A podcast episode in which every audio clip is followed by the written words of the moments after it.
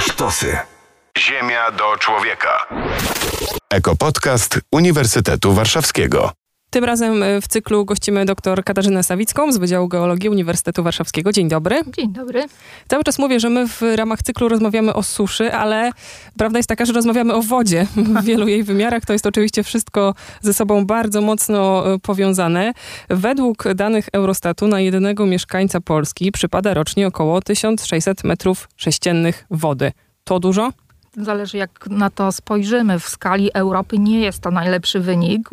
Średnia europejska to jakieś 5000 metrów sześciennych na rok. Natomiast e, jeśli będziemy to porównywać z takimi krajami jak Egipt, do którego często niestety różne źródła się odwołują, porównując zasoby wody w Polsce i na świecie, to jest to dość znacząca ilość. Dwa i pół raza więcej niż e, średnio Egipcjanin może z wody skorzystać.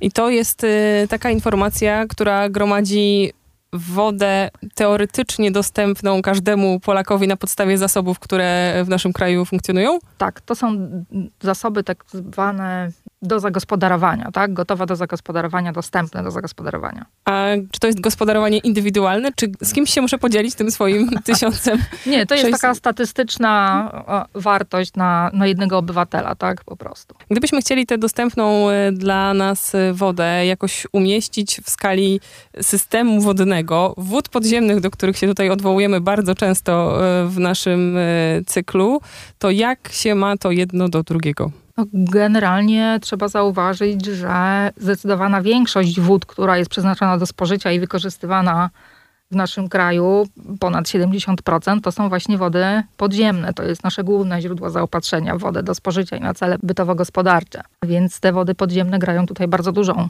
rolę takiej gospodarce wodnej tak rozumianej. I możemy rozumieć, że woda, którą spożywamy, pochodzi z wód podziemnych. Proszę nam te mechanizmy tutaj wytłumaczyć. E, to znaczy największa um, procentowa ilość tych wód, których, które spożywamy, pochodzą z ujęć wód podziemnych, czyli na ogół ze studni wierconych w różnych rejonach kraju.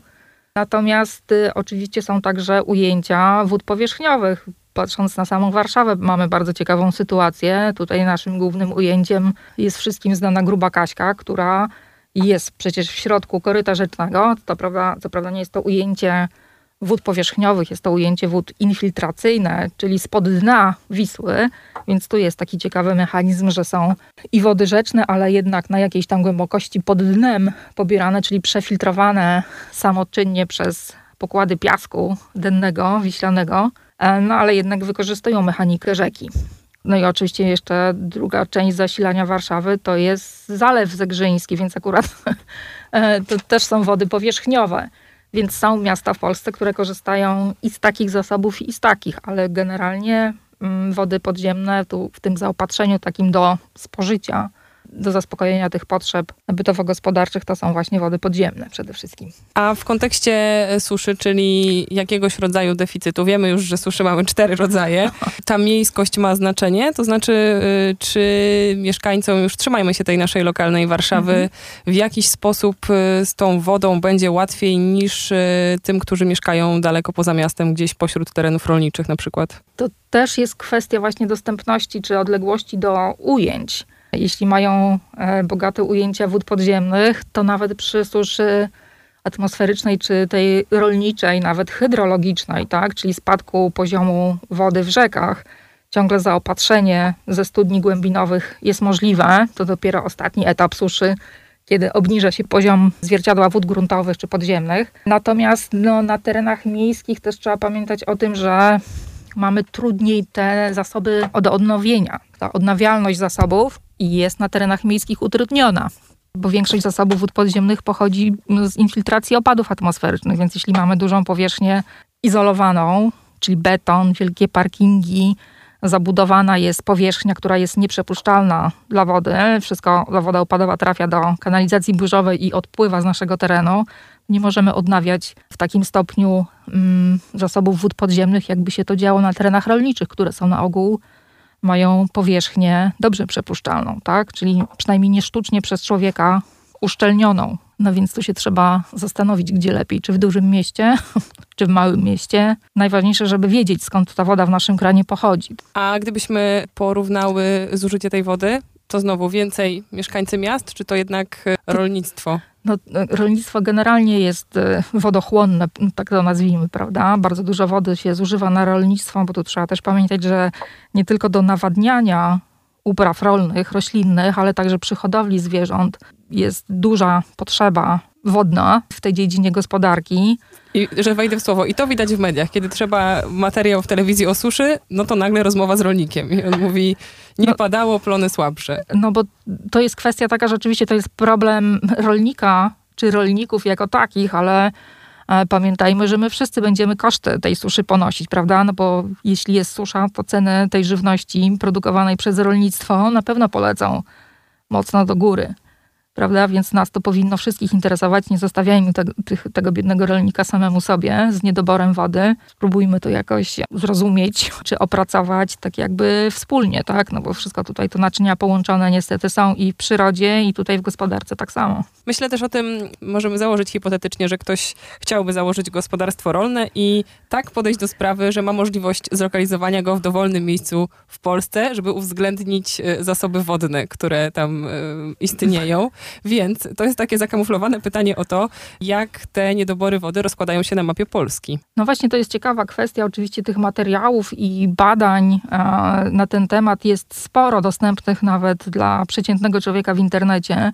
Są specjalne też mapy takiej bilansu klimatycznego, które pokazuje te niedobory wody dla roślinności. Zakładamy, że chcemy być rolnikiem, który będzie produkował jakąś roślinność. Generalnie bardzo wyraźnie jest widoczne, że w centralnej zachodniej Polsce, generalnie w, szczególnie w dorzeczu Odry, te deficyty wody, czyli ten ujemny bilans klimatyczny wodny jest czasami bardzo ekstremalny.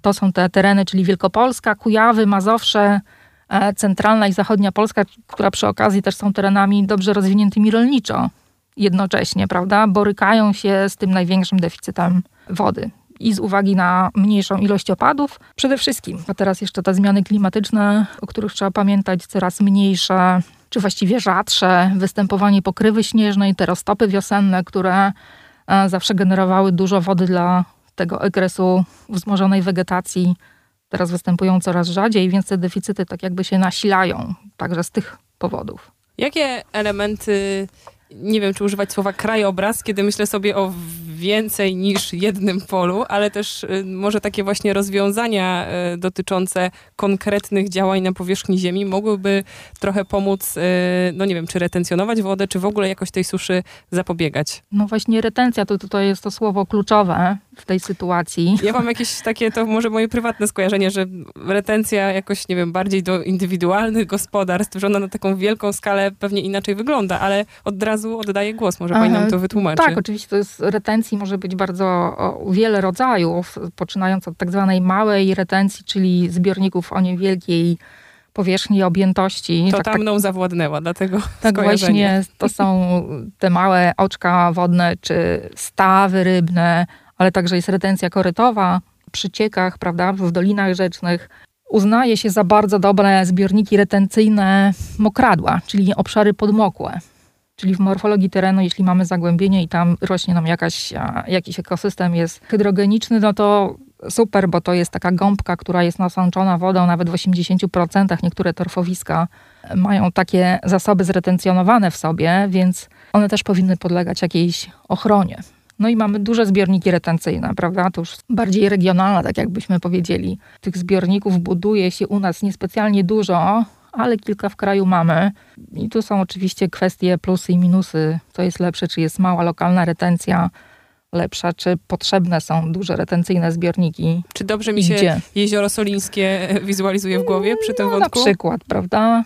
Czyli jakieś takie z zaporą duża, znaczy takie zbiorniki retencyjne duże na ogół także mają funkcję ochrony przeciwpowodziowej, prawda? Bo można tutaj sterować i spuszczać tą wodę, e, jeśli jest jej nadmiar i zatrzymywać przy niedoborach. Te zbiorniki trochę inną funkcję pełnią, trochę inaczej są nadzorowane niż ta mała retencja, taka przydomowa retencja. Czyli dobrze wnioskuję, że wspomniane wały przeciwpowodziowe ochronią przed powodzią mieszkańców, ale zaszkodzą nawodnieniu? E, no właśnie utrudnią trochę nam retencję, prawda? Szczególnie jeśli jeszcze przy okazji, to się też często zdarza, deweloperzy potrafią wybudować osiedle na terenach zalewowych, prawda? Nawet z parkingami podziemnymi. Potem, Ale osuszonych.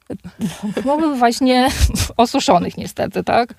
E, czyli tutaj mamy problem taki, że mamy szkody bo trochę działamy wbrew naturze. No, tereny zalewowe, jak sama nazwa wskazuje, są okresowo zalewane, więc że się tam pojawi woda, to nie powinno być dla nikogo zaskoczenie.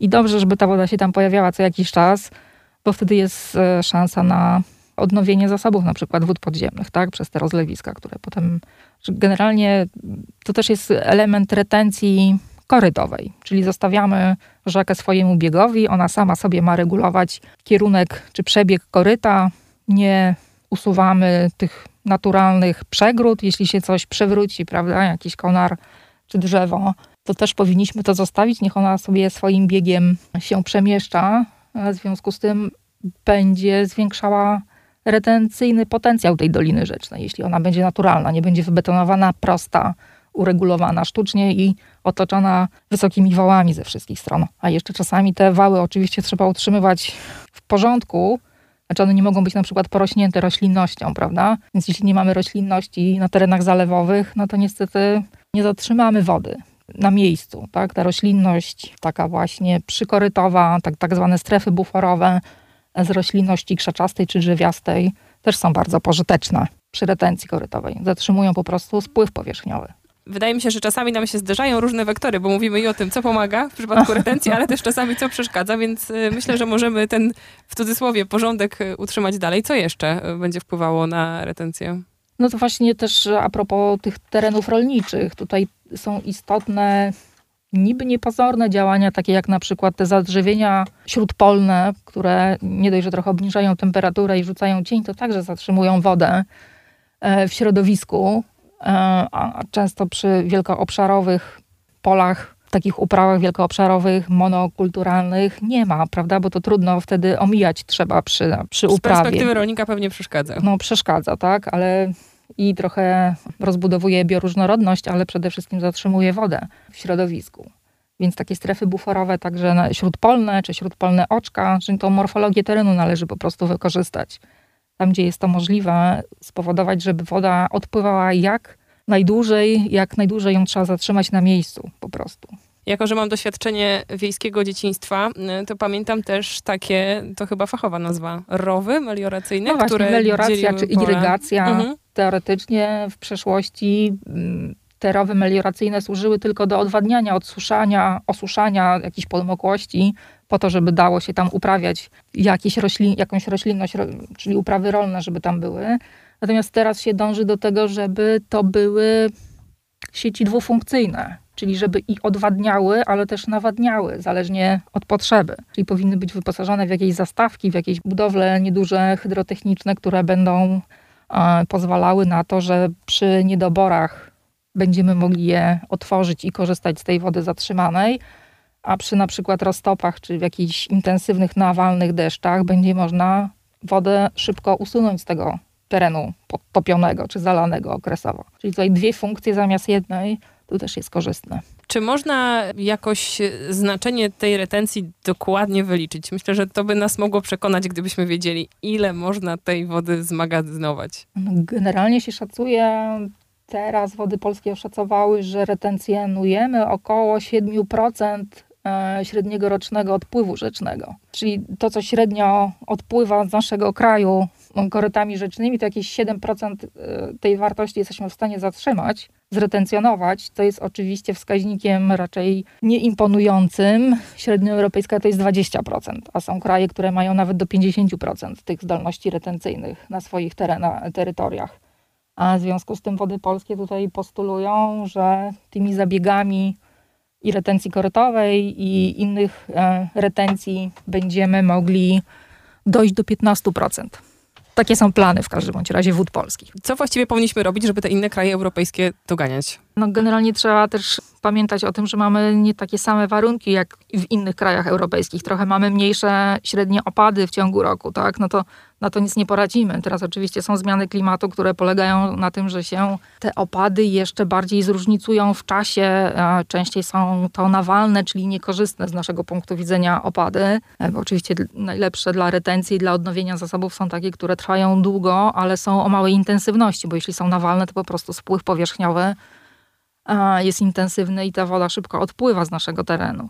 Ale generalnie pozostałe kraje Europy, no, zachód Europy, północ Europy na pewno mają wyższe opady, więc z tym nic nie zrobimy. Tak? Co możemy zrobić, to te zabiegi takie techniczne, czy nawet mikrotechniczne, o których mówiłyśmy, czyli retencja lokalna na terenach i miejskich, i rolniczych. Teraz można też stosować, coraz częściej się pojawiają okazje, żeby zapobiegać tak zwanej betonozie, że są całe place czy rynki małych miasteczek pokryte. Rozbetonowanie, rozpłytowanie słowa sezonu moim zdaniem. No właśnie, więc jest jakiś taki trend, moda, nie wiem z czego to wynika, z chęci uporządkowania przestrzeni, żeby jak najwięcej zabetonować wszystkiego.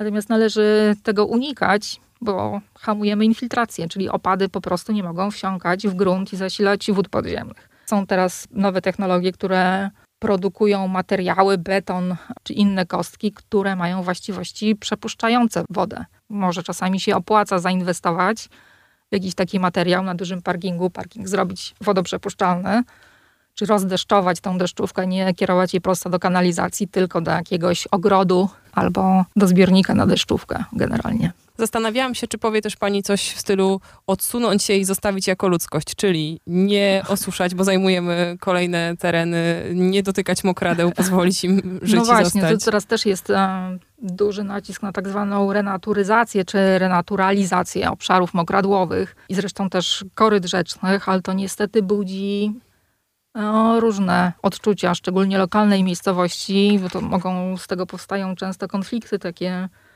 społeczne. Jeśli coś jest chronione e, i nie ma do tego wstępu, to się na ogół ludności miejscowej nie podoba, szczególnie jeśli tam spowodujemy zmianę stosunków wodnych, czyli teoretycznie przywracamy stan naturalny, podnosimy zwierciadło wody, to pojawiają się na przykład podtopienia na terenach uprawianych przez rolników, tak? No to oczywiście będą protesty, bo to są szkody rolnicze. I rekompensaty, w sensie no właśnie, powinny pewnie no być, no, tak? Powinny być, ale no, miejmy nadzieję, że są. Ale tutaj właśnie tak samo jak z rowami melioracyjnymi, jeśli rolnik przez teren rolnika, przez jego pole biegnie sieć melioracyjna, no to on jest właścicielem tych kanałów i ma obowiązek nadzoru i opieki nad tym. Na ogół bardzo często nie ma ani wiedzy, ani środków technicznych, żeby jakoś specjalnie dbać o tą sieć melioracyjną. Nawet jeśli zrobi jakieś czynności techniczne u siebie, na swoim terenie, to może to skutkować zmianami na u sąsiadów, prawda? Może zalać kogoś albo osuszyć niepotrzebnie. Więc tutaj te takie lokalne konflikty też trzeba na jakimś etapie, w jakiś sposób e, opracować i rozpracować i współpracować, żebyśmy sobie nawzajem szkód nie wyrządzali i jednak dążyli do takiej ogólnej korzyści, tak? Właśnie się zastanawiam, czy ten czynnik ludzki jest pocieszający, że on się pojawia w tej naszej opowieści o suszy, czy jednak y, może być przez to dużo trudniej, bo to w końcu chodzi o wspomnianą edukację, o jakąś zgodę na końcu, o pewne ustępstwa i kompromisy, które wiadomo, no, że niełatwo właśnie przychodzą. Tutaj to chyba praca u podstaw, mówiąc tak kolokwialnie, to trzeba zmieniać tak jakby świadomość czy poziom wiedzy od jak najwcześniejszego etapu, tak, żeby dorośli ludzie, którzy potem sami są właścicielami tych gruntów, wiedzieli, co jest dla nich dobre, opłacalne, a co nie szkodzi otoczeniu, tak jakby przyrodniczemu. Że wcześniej czy później nawet te kosztowne zabiegi zwrócą się, będzie z tego korzyść, tak czy inaczej. Doktor Katarzyna Sawicka gościła dzisiaj w naszym studiu. Dziękujemy. Dziękuję bardzo. Ziemia do człowieka. Ekopodcast Uniwersytetu Warszawskiego. Radio Campus 97 i 1 FM.